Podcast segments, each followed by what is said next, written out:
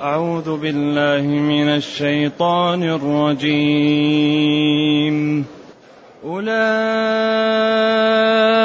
لم يكونوا معجزين في الأرض وما كان لهم وما كان لهم من دون الله من أولياء.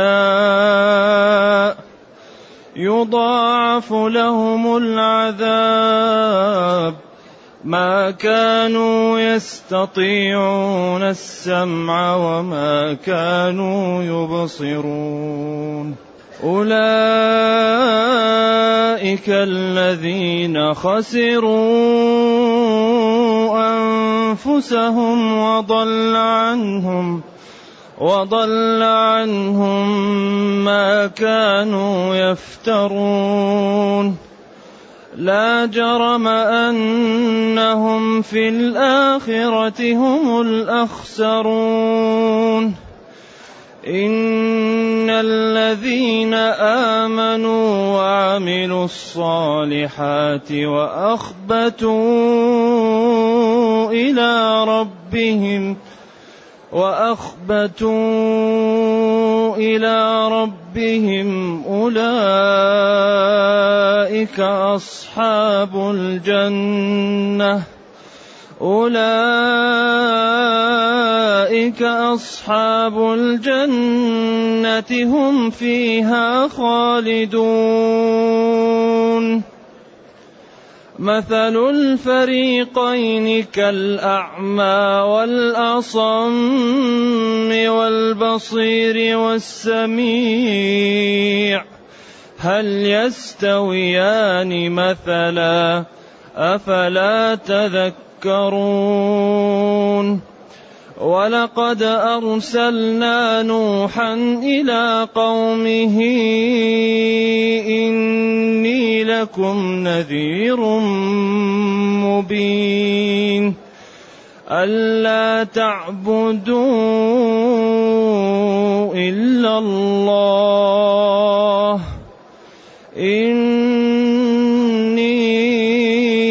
أخاف عليكم عذاب يوم أليم. فقال الملأ الذين كفروا من قومه ما نراك إلا بشرا. ما نراك إلا بشرا مثلنا وما نراك اتبعك إلا الذين هم أراذلنا. وما نراك اتبعك إلا الذين هم أراذلنا. بادي الرأي. وما نرى لكم علينا من فضل بل نظنكم بل نظنكم كاذبين قال يا قوم ارايتم ان كنت على بينه من ربي واتاني رحمه من عنده فعميت عليكم فعميت عليكم أنلزمكموها وأنتم لها كارهون. الحمد لله الذي أنزل إلينا أشمل الكتاب وأرسل إلينا أفضل الرسل وجعلنا خير أمة أخرجت للناس. فله الحمد وله الشكر على هذه النعم العظيمة والآلاء الجسيمة والصلاة والسلام على خير خلق الله. وعلى آله وأصحابه ومن اهتدى بهداه. ما بعد فإن الله تعالى يبين في هذه الآيات حال المتقين وحال المجرمين ويرجع ويبين ويبين ويأتي وكأنه ويأتي بالأمثلة ويوضح حتى كل إنسان يحتاط لنفسه. المقصود الاحتياط المقصود أن الإنسان ينجو. أولئك الذين تقدموا لم يكونوا معجزين في الأرض. فائتين. أعجزه يعجزه إذا لم يقدر عليه. ومنه الإعجاز.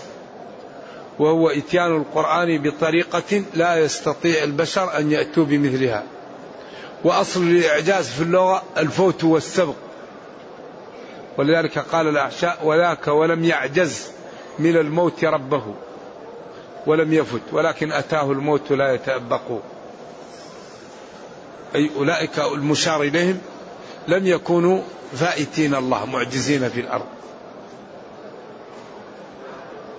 وما كان لهم من دون الله من أولياء ما كان لهم غير الله. من من يواليهم وينصرهم من دون الله. ما يستطيع لأن ما فيه إلا الله لا يملك إلا الله لا يدفع إلا الله.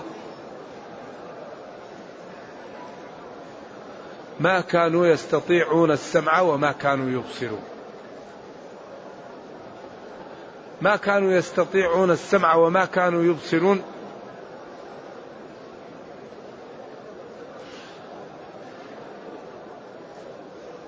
إما أن الله تعالى جعل لهم أبصارا لكن لا يرضون أن يبصروا بها الحق. أو أن الله تعالى أعماهم. أيوة كل قيل. ما كانوا يستطيعون السمع وما كانوا يستطيعون الإبصار مع وجود الآلة السمع والإبصار عندهم لما أودع الله في قلوبهم من كراهية الدين ومن جاء به. فكأنهم لا يريدون. أو أن الله تعالى هذه الحاسة خلاص جعلها لا تسمع ولا تبصر.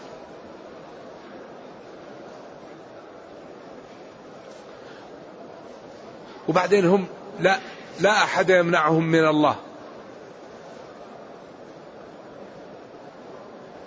ولذا ربنا يقول لنبيه يقول لهم قل لا أملك لنفسي نفعا ولا ضرا. وبين أنه لولا دعاؤكم إيش؟ قل ما يعبأ بكم ربي لولا دعاؤكم فقد كذبتم. فسوف يكون لزاما. لولا دعاؤكم الله أو لولا دعاء الله لكم. فدعاؤكم يمكن مضاف إلى الفعل أو مفعول وهذا من إعجاز القرآن. لولا أن تدعوا الله لأهلككم ولولا أنه يدعوكم حتى يقيم عليكم الحجة. وفي النهاية قد كذبتم. هؤلاء الكفار ليسوا فائتين. وليس لهم من دون الله من يمنعهم. وموارد العلم محجوبة عن الإفادة. إذا هم في هلكة لأنهم لا أحد يمنعهم من الله. وليست لهم طريق يخرجون من قدرة الله. والموارد التي تنجيهم معطلة. لهم قلوب لهم قلوب لا يفقهون بها. ولهم أعين لا يبصرون بها ولهم آذان وقال عنهم أسمع بهم وأبصر يوم يأتوننا لكن الظالمون اليوم في ضلال مبين ما يستعد لذلك أول بداية الهداية الاستماع الذي لا يستعد أن يعطي وقتا للدروس والمحاضرات ولسماع القرآن ولسماع الأحاديث ولسماع الأحكام ولسماع الوعظ. من أين تأتيه الهداية؟ لا بد أن نعطي وقت لنسمع. وربنا يقول فبشر عبادي إيش؟ الذين يستمعون. بعض الناس إذا قال الخطيب الحمد لله يخرج. إذا سمع القارئ يقرأ يخرج. إذا سمع الناصح ينصح يخرج. طيب من أين تأتي الهداية والوحي انقطع؟ نبينا يقول لا نبي بعدي وهو لا يستعد لأن يسمع. طيب من أين تأتيه الهداية؟ لا بد لا بد أن نستمع. الذين يستمعون إيش؟ القول الأوامر النواهي المواعظ الأخلاق الآداب الأحكام. فيتبعون احسنه يستمع وبعدين ينفذ أسمع ما أحسن ما يسمع. هذا ما صفته؟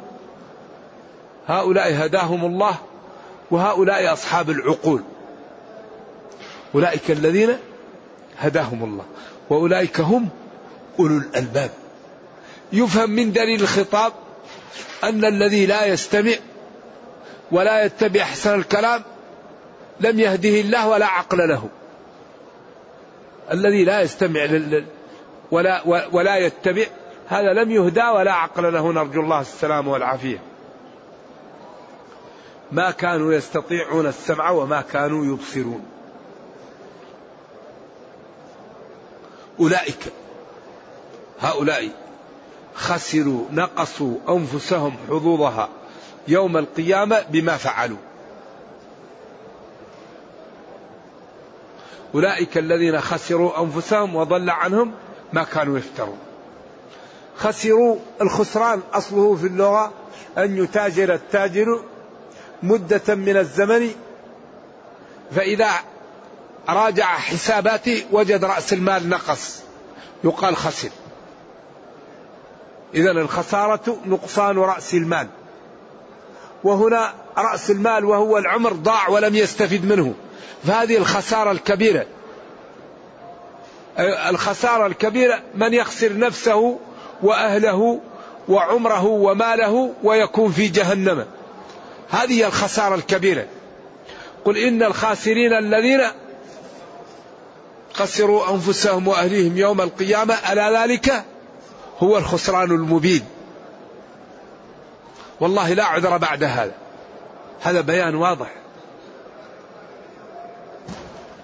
خسروا أنفسهم وضل عنهم ما كانوا يفترون.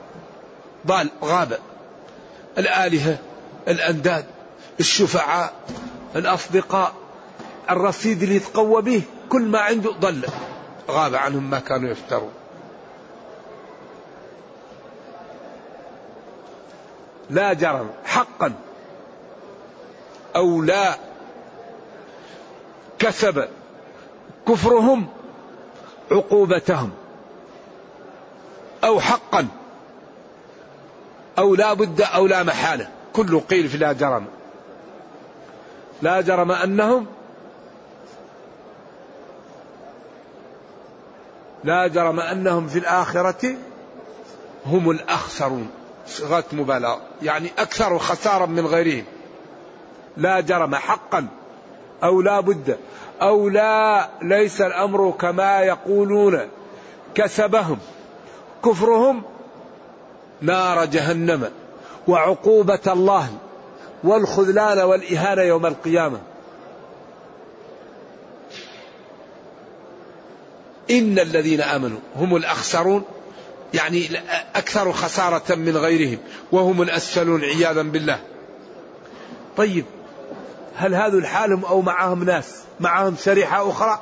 نعم معهم شريحة أخرى. ما صفاتها؟ إن الذين آمنوا. إن توكيد. الذين جمع الذي. آمنوا يعني اتصفوا بالصفات التي هي 11 صفة. آمنوا تشمل 11 صفة.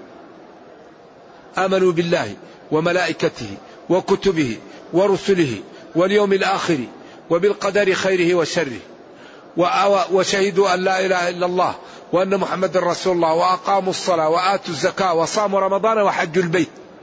هذه هي آمنوا. وعملوا يعني نفذوا وباشروا الفعالات الصالحات. من إماطة الطريق إلى أعلى شيء. بروا بوالديهم أكرموا جيرانهم. غضوا أبصارهم أنفقوا على الأيتام أصلحوا ذات البين. ساعدوا الرميلات. كتموا غيظهم عن إخوانهم وبادلوا الإساءة بالإحسان. أنفقوا من أموالهم بذلوا من وقتهم. ساعدوا المرضى ساعدوا المنكوبين ساعدوا الملهوفين. عملوا الصالحات. ومع ذلك أخبتوا تواضعوا واستكانوا واطمأنوا وخافوا من ربهم إذا رأيت المتقي ترى في وجهه الإيمان ترى في وجهه التواضع ترى في وجهه الخوف ترى في وجهه الاستكانة. وإذا رأيت عياذا بالله الكافر ترى فيه, فيه التكبر. واحتقار الناس والخيلاء واللامبالاة لذلك أكثر ما يدخل الجنة من؟ الفقراء. البله أكثر أهل الجنة الضعاف. وهرقل لما قال لأبي سفيان يتبعه أشراف الناس أو ضعافهم؟ قال يتبعه ضعافهم. قال ذلك أولئك الأنبياء دائما يتبعهم الضعاف. لأن الضعيف ما ما له غرض. أما الذي له مكانة يخاف أن الدين الجديد إيش؟ يأخذ من مكانته. ولذلك سرق عبد الله بن أبي بن سلول ونافق لأن جاء النبي صلى الله عليه وسلم وأهل المدينة يريدون أن يجعلوه رئيسا عليهم. فكره الإسلام لأنه يرى أنه نزع منه الرئاسة. وأبو طالب ما استوعب أن يتبع ابن أخيه يتيما. قال أنا سيد الوادي وهذا ابن أخي يتيما ربيته كيف يكون سيد علي؟ ما حصل. نرجو الله السلام والعافية. ولذلك لو تأمل وتواضع لنجا وهو في آخر لحظة يقول له يا عم قل لا إله إلا الله قل كلمة نحاج لك بها عند الله. فأتاه شياطين الإنس. أبو جهل وعبد الله بن أبي أمية وقالوا له أترغب عن ملة الأشياخ؟ أترغب عن ملة عبد المطلب؟ أثاروا فيه نخوة إيش؟ الكبرياء. أترغب عن ملتي بدليل أنه يقول ولقد علمت بأن دين محمد من خير أديان البرية دينا. لولا الملامة لولا الملامة أو حذار مسبة لوجدتني سمحا بذاك مبينا. يقال اتبع ابن أخيه يتيما تبعه. ولذلك الدين جاء من عند الله. والله يمن على من يشاء. فالمنصف يقبل الحق. سواء كان ممن هو دونك ومن هي فوقك ومن هو مساوي لك. الحق يقبل ممن قاله. والخطأ يرفض ممن قاله. لا تحقرن الرأي. وهو موافق حكم الصواب إذا أتى من ناقص. فالدر وهو أعز شيء يقتنى ما حط قيمته هوان الغائص. الحق يقبل. أولئك. بعدين يقول إن الذين آمنوا وعملوا الصالحات وأخبتوا إلى ربهم أولئك أصحاب الجنة. إن الذين آمنوا وعملوا الصالحات. هذا شمل القرآن عجيب. هذا المعاني هذا شمل كل شيء.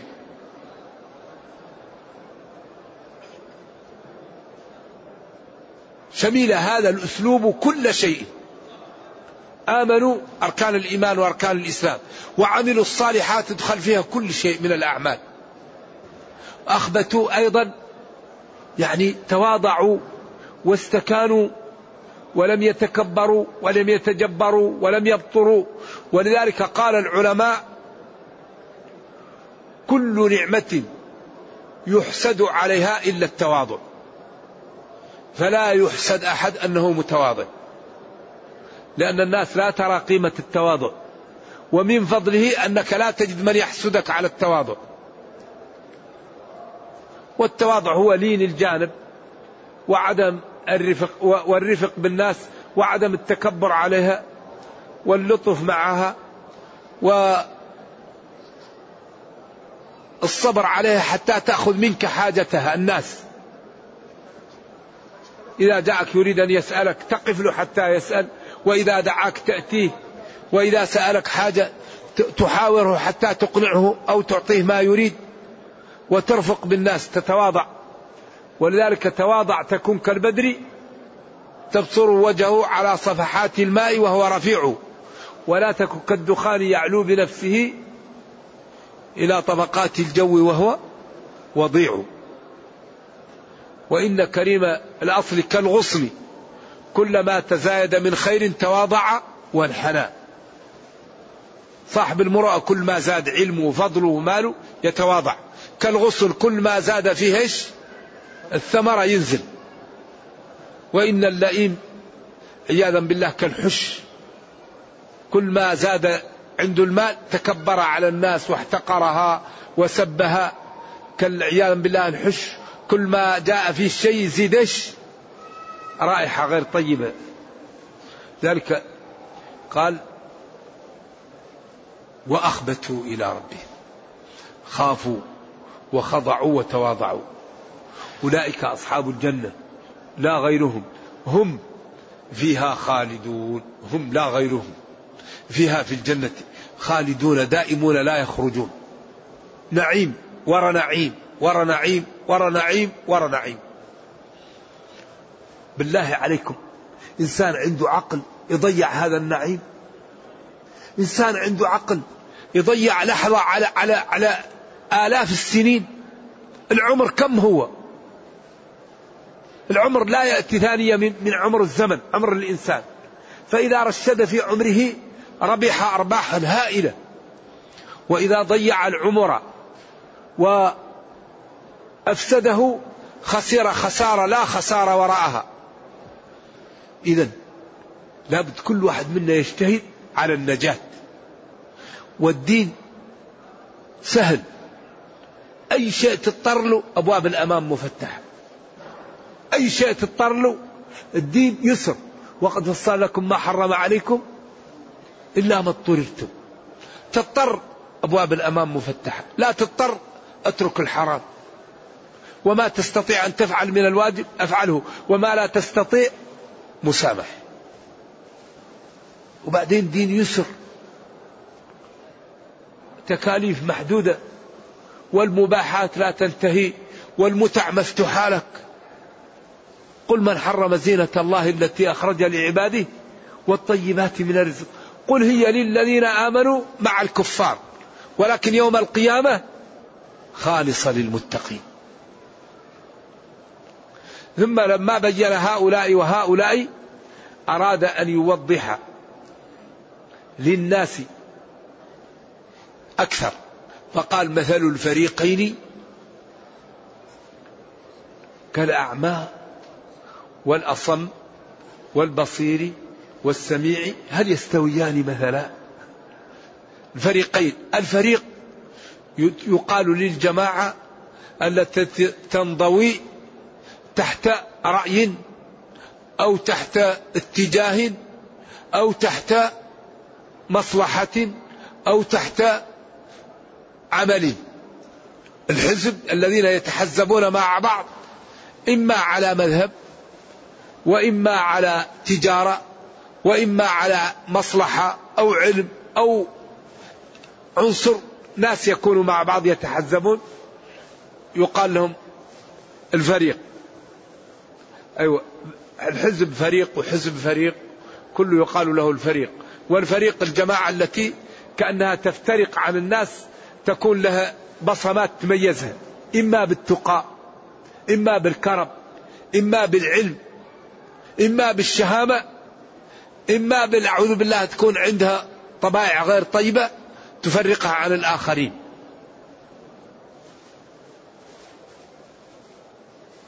الأعمى هو من فقد حاسة البصر. سلب البصر يقال له العمى. مثل الفريقين كالأعمى والأصم هو الذي يفقد حاسة السمع.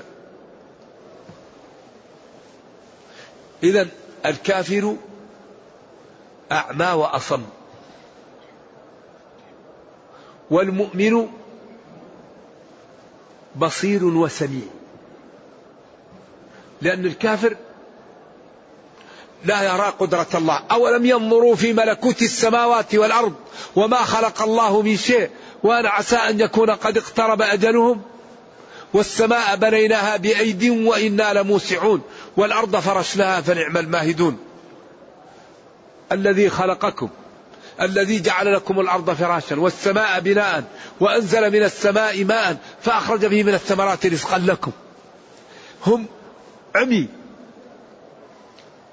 لا يسمعون هذا القرآن الذي قال الله قل لئن اجتمعت الإنس والجن على أن يأتوا بمثل هذا القرآن لا يأتون بمثله ولو كان بعضهم لبعض ظهيرا لا يسمعون لقوله واصفا لنبيه وإنك لعلى خلق عظيم. قل إن كنتم تحبون الله فاتبعوني. من يطع الرسول فقد اطاع الله. وما ينطق عن الهوى إن هو إلا وحي يوحى. إذا هذه الأوامر وهذه النواهي وهذه المواعظ وهذه الأدلة العقلية التي لا يسمعونها. وهذه المخلوقات الموجودة وهذه النعم الموجودة وهذه الأمور التي يروها في أنفسهم لا يبصرونها.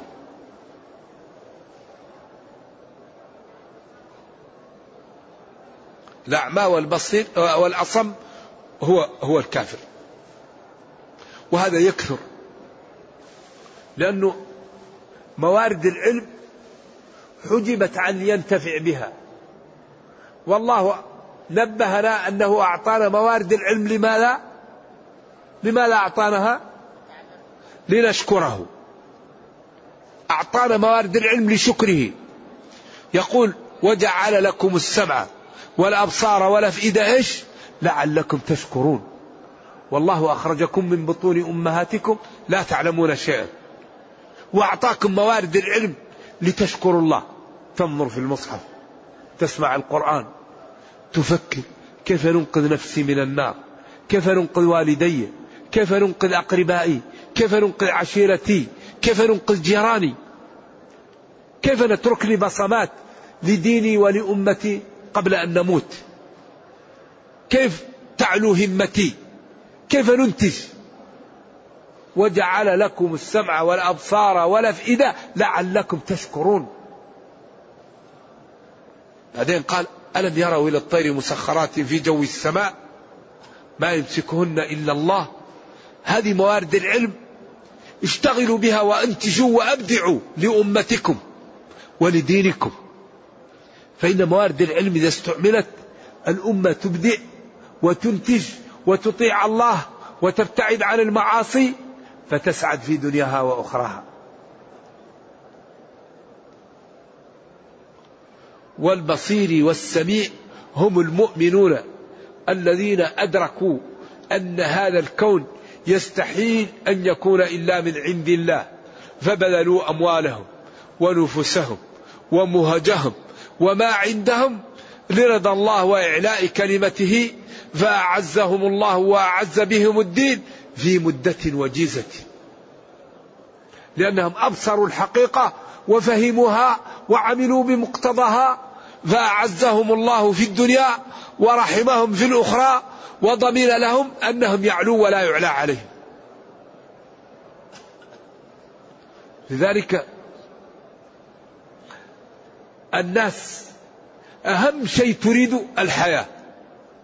المسلم أهم شيء يريد أن ينال الشهادة. نبينا صلى الله عليه وسلم في صحيح البخاري يقول وددت أني أقتل في سبيل الله ثم أحيا ثم أقتل ثم أحيا ثم أقتل ثم أحيا. وفي باب الجهاد لما قال من آمن بالله دخل الجنة جاهد أن بقي في بلده الذي ولد فيه. قالوا أفلا نبشر الناس؟ قال إن في, في, في الجنة مئة درجة أعدها الله للمجاهدين. و ولما استنجد ملك الفرس استنجد بملك الصين قال له أعطيني صفات هؤلاء القوم أيام الفتح. وكانوا إذا جاءوا لبلد فتحوه. أهل يدخلون في دين الله لما يروا من حسن خلقهم وعبادتهم وصدقهم وتواضعهم ورحمتهم للضعيف وعدم تكبرهم. فإذا رأوا الناس ما هم فيه على طول يدخلون في الإسلام. فلما أرسل ملك الفرس لملك الصين يستنجد به قال له أعطيني صفات هؤلاء القوم. قال هؤلاء في الليل رهبان وفي النهار فرسان. والواحد منهم أمنيته أن يموت يتمنى أن يموت. ولا تفرق بين الرئيس والمرؤوس وإذا فتحوا بلدا قسموا المال في الفقراء. فقال ملك الصين لملك الفرس أعطيهم ما سألوك هؤلاء لا طاقة لأحد من أهل الأرض بهم. أعطهم ما سألوك. هؤلاء لا طاقة لأحد من أهل الأرض بهم. إذا نحن ننتصر بأن نسير على الدين. لا ننتصر بالقوة. أبدا. وإنما ننتصر بالاستقامة وأن نقوم بما نستطيع. نقوم بما نستطيع ونستقيم. ربنا ينصرنا. وقال جل وعلا إن تنصروا الله ينصركم. وقال إن الله لا يخلف الميعاد وقال ولا ينصرن الله من ينصره. هذا كلام من؟ هذا كلام الله. إذا ينبغي أن نسير على الطريقة المرسومة لنا وعند ذلك نصل إلى ما نريد. ف فدين الله إذا التزم به المسلمون وعملوا بالأسباب لا يقاومون. أبدا. لأن دين الله غالب وإن جندنا لهم الغالبون. وقال ومن يقاتل في سبيل الله إيش؟ فيقتل أو غلب والمقتول ليس بغالب. هو قال وإن جندنا لهم الغالبون. وقال ان المسلم ما يعرف الهزيمة. المسلم ما في عرفه الهزيمة. قل هل تربصون بنا؟ إلا إحدى الحسنين إما النصر وإما الشهادة.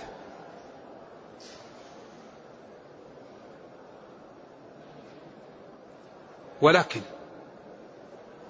لا بد أن يصلح العبد نيته ويعرف الحكم ويكون قصده إعلاء كلمة الله.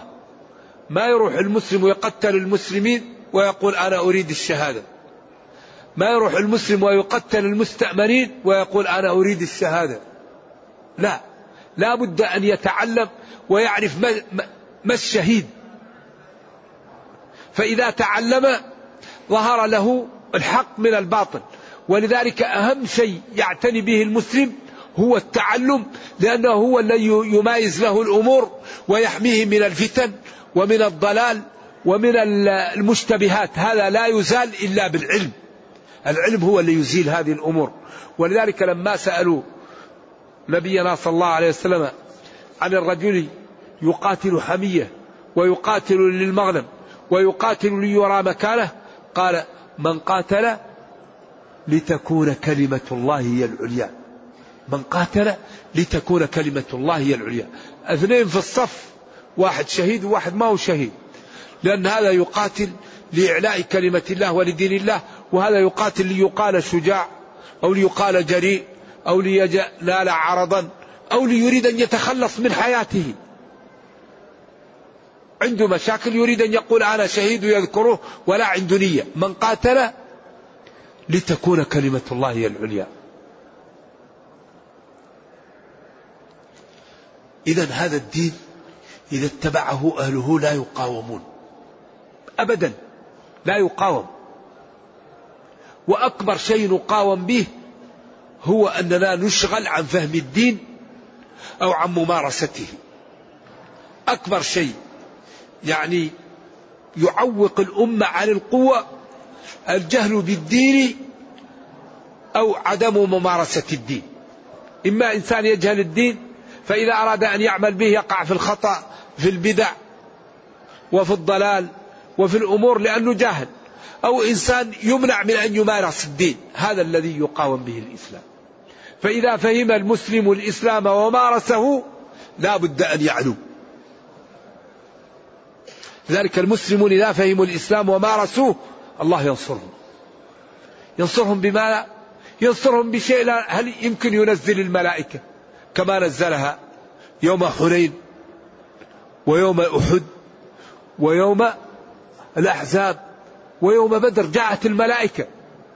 في يوم بدر قاتلت ويوم أحد قاتلت عن النبي ما قاتلت الناس. ويوم حنين كثرت السواد.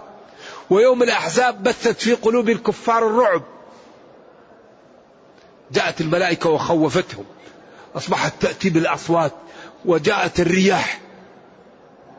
ولذلك قالوا اذكروا نعمة الله عليكم إذ جاءتكم جنود. فأرسلنا عليهم ريحا وجنودا لم ترها. طيب يا أحبة من من عنده الرياح والجنود والملائكة؟ أليس ينبغي أن تكون العلاقة معه على ما شرع وأراد؟ إذا سرنا على ما أراد منا ينصرنا يعزنا يدمر أعداءنا يذيب أعداءنا. إذا لا بد أن نعرف أن الحل في اتباع الدين. حل الواقع في اتباع الدين. ونقوم بالأسباب. لا بد من القيام بالأسباب. أوفوا بعهدي أوفي بعهدكم. إن الله اشترى اشترى من المؤمنين أنفسهم وأموالهم. بعدين قال في نهاية المقطع فاستبشروا ببيعكم الذي بايعتم به. وربنا كريم وقادر ولا تخفى عليه خافية إذا يقول جل وعلا والسميع والبصير هل يستويان؟ مثلا إيش أعراب مثلا؟ هل يستويان مثلا؟ هل يستويان من مثل تمييز مميز؟ هل يستويان في إيش؟ في, في المثل أو في الحالة؟ أيوه. ألا تنظرون في هذا؟ فتنتبهون وتعقلون وتعلمون أنهم لا يستويان. ثم ذكر قصة نوح ليعلم الحاضرين أن نبيه رسول صلى الله عليه وسلم وأنه ما كان يقرأ ولا يكتب ويأتي بهذه القضية التي هي في الأزمان السحيقة وهو لا يقرأ ولا يكتب فهذا دلالة على أنه رسول. وفيه طمأنة له وفيه أنه إن كذبه قومه فليس بدعا فالرسل قبله كذبوا. وأن الله ناصره كما نصر الرسل التي كانت قبله. وفيه بيان لجمال هذا القرآن وصدقه حيث تكررت هذه القصة وكل الأساليب متوافقة وجميلة. هذه بعض الفوائد التي تذكر في قصص الرسل. ولقد أرسلنا نوحا والله لقد حرف تحقيق. أرسلنا الله نوح نبي الله نوح. إلى قومه. فلذلك الإرسال ولعلة الإرسال ولما هم عليه قال لهم اعبدوا الله. لأن الفاء مو مفرعة على التفريع على هذا. فقال يا قوم يا قوم اصلها يا قومي. مضافة إلى ياء المتكلم.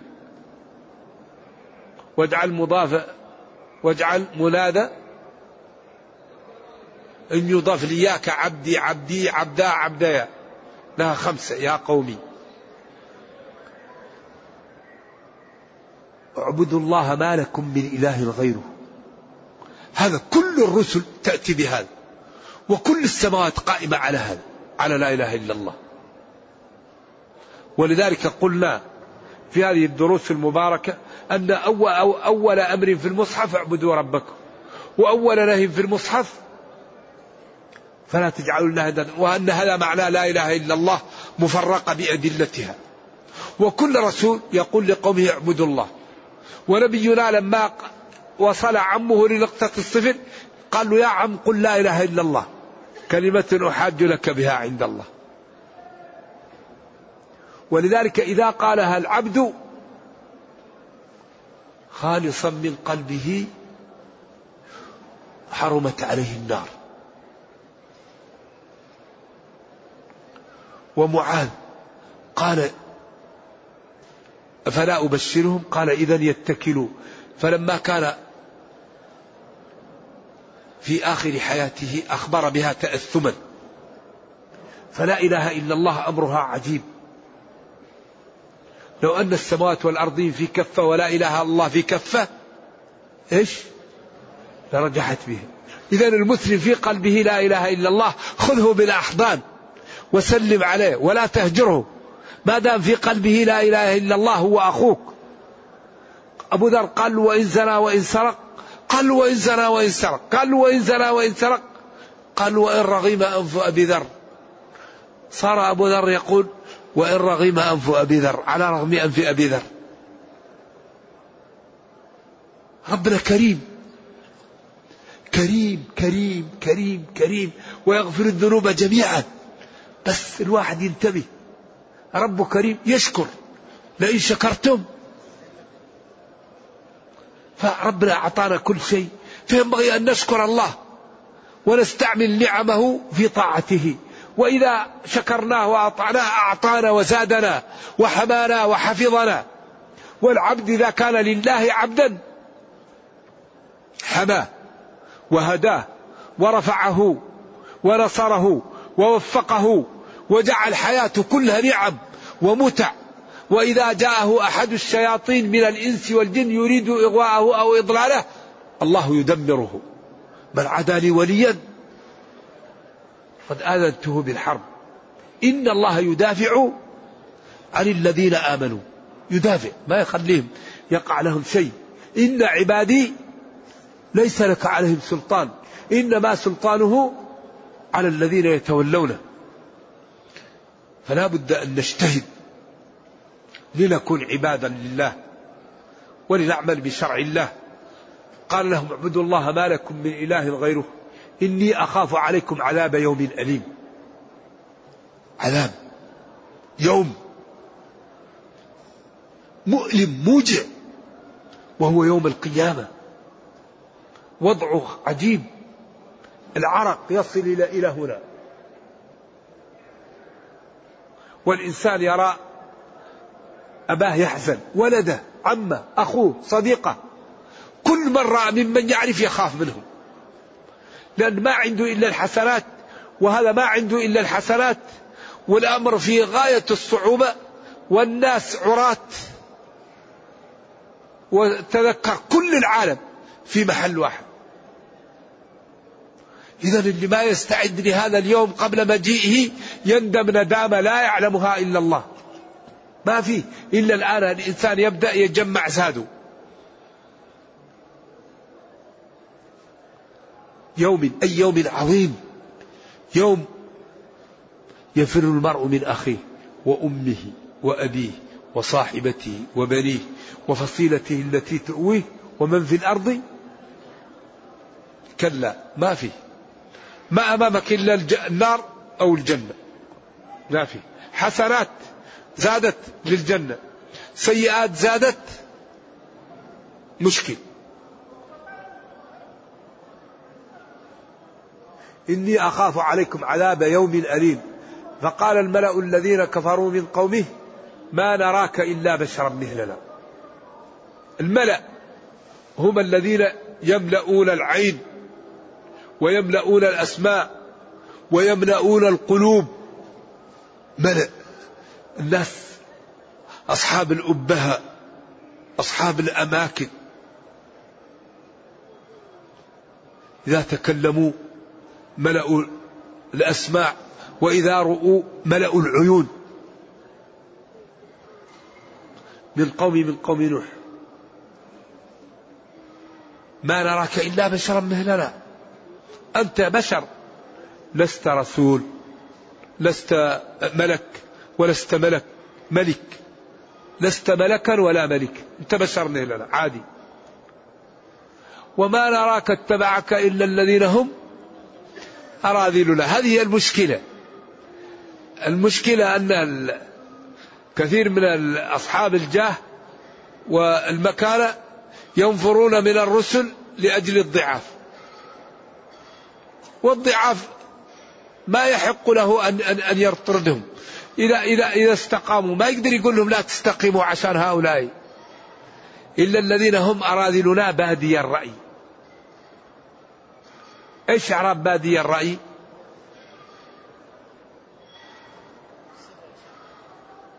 يصعد سيبوي.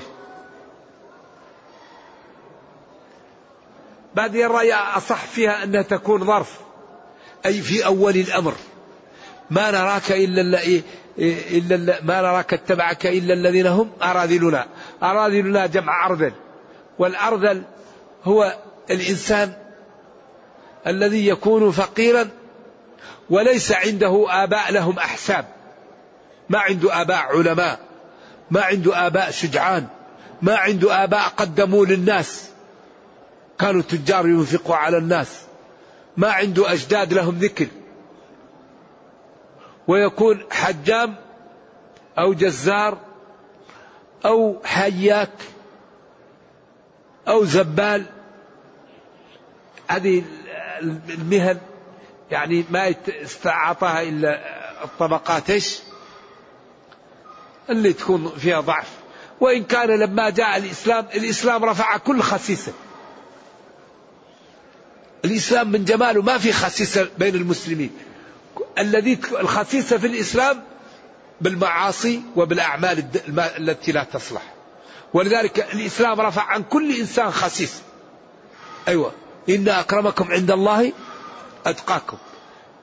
الناس من آدم وآدم من تراب. قال عمر الآن ضاع النسب. لا شك أن فيه الناس معادن. خيارهم في الجاهلية خيارهم في الإسلام إذا فقهوا.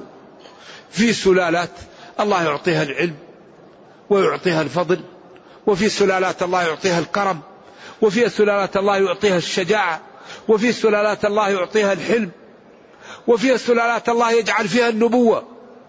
إبراهيم وأبناء وأبناء أبناء أبناء وجعل الله فيهم النبوة. والله قال إخبارا عن رسله قالت رسلهم إن نحن إلا بشر مثلكم ولكن الله يمن على من يشاء من عباده الله يمن على خلقه يجعل هذا عالم يجعل هذا غني يجعل هذا جميل يجعل هذا رسول يجعل هذا تقي. والله لا يسأل عما يفعل. إذا أنت بشر مثلنا وما نراك اتبعك إلا الذين هم يعني الطبقة الضعيفة المسحوقة في أول وهلة. لم يفكروا ولم يخمروا الرأي وإنما لما سمعوا بك تبعوك. بادي الرأي. وما نرى لكم علينا من فضل. لا فضل. بل نظنكم كاذبين. نعتقدكم كاذبين. اسمعوا إجابة نوح. قال يا قوم هذا قرأناه وصلناه. قال يا قوم أخبروني إن كنت على بينة من ربي.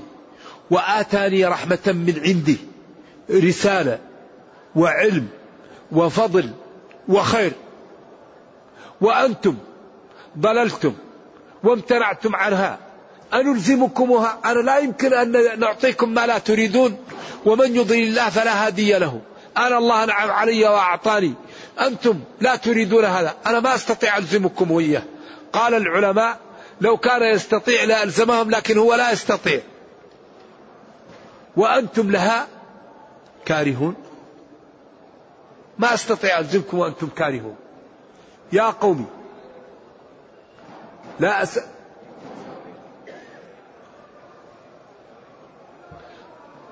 يا قومي قل يا, يا قوم أرأيتم إن كنت على بينة من ربي وآتاني رحمة من عنده فعميت أو عميت عليكم. أنلزمكمها وأنتم لها كارهون؟ أنا ليس عندي إلا أني أخبركم أن الله أنعم علي وأعطاني نعما جليلة وآلاء عظيمة أشكره عليها وأطيعه وأتعبد له وأنتم أعطاكم نعم كثيرة وآلاء جسيمة كفرتم بها وكفرتم به وبرسله وامتنعتم من الدخول فيما ينجيكم أنلزمكم بذلك وأنتم له كارهون ما ألزمكم أنتم هذا لكم. ويا قوم لا و وأنتم لها كارهون. ونكمل في من الغد. نرجو الله جل وعلا أن يرينا الحق حقا ويرزقنا اتباعه وأن يرينا الباطل باطلا ويرزقنا اجتنابه وأن لا يجعل الأمر ملتبسا علينا فنضل. اللهم اغفر لنا ذنوبنا كلها دقها وجلها أولها وآخرها علانيتها وسرها. اللهم أصلح لنا ديننا الذي هو عصمة أمرنا.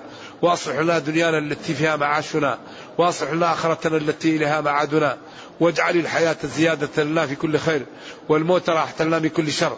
اللهم إنا نعوذ بك من العجز والكسل ونعوذ بك من الجبن والبخل ونعوذ بك من غلبة الدين وقهر الرجال. اللهم إنا نسألك التقى والهدى والعفاف والغنى. سبحان ربك رب العزة عما يصفون وسلام على المرسلين والحمد لله رب العالمين. وصلى الله وسلم وبارك على نبينا محمد وعلى آله وصحبه.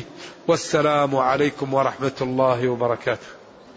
يقول تعالى ثاني اثنين إذ هما في الغار إذ يقول لصاحبه لا تحزن إن الله معنا فأنزل الله سكينته عليه. وأيده بجنود لم تروها. هل الذي أنزل الله عليه السكينة أو هو أبو بكر أو ما الصحيح؟ هذا أنزل على النبي صلى الله عليه وسلم. أنزل جنودا لم ترى. ثاني اثنين إذ هما في الغار إذ يقول لصاحبه لا تحزن إن الله معنا. فأنزل الله سكينته عليه على النبي صلى الله عليه وسلم. وطمأن قلبه. أيوه. وأنزل جنودا لم تروها. وأنزل جنودا لم تروها وقيل أن الموضوع أن يقول لصاحبه لا تحزن. يقول يقول النبي صلى الله عليه وسلم لأبي بكر لا تحزن. إن الله معنا. فأنزل الله سكينته عليه على نبيه وأنزل جنودا لم ترها. وأبو بكر تبع للنبي صلى الله عليه وسلم. لأنه هو تبعه ورأيه لرأيه وهو أحب الناس إليه وهو أفضل الخلق بعد الأنبياء. أفضل الخلق بعد الأنبياء أبو بكر. ولما كلمه عمر قال هل أنتم تاركوا لي صاحبي؟ كذبتموني وآمن بي وفعلتم وفعل وفعل. قال بعدها ما كلم أحد أبا بكر.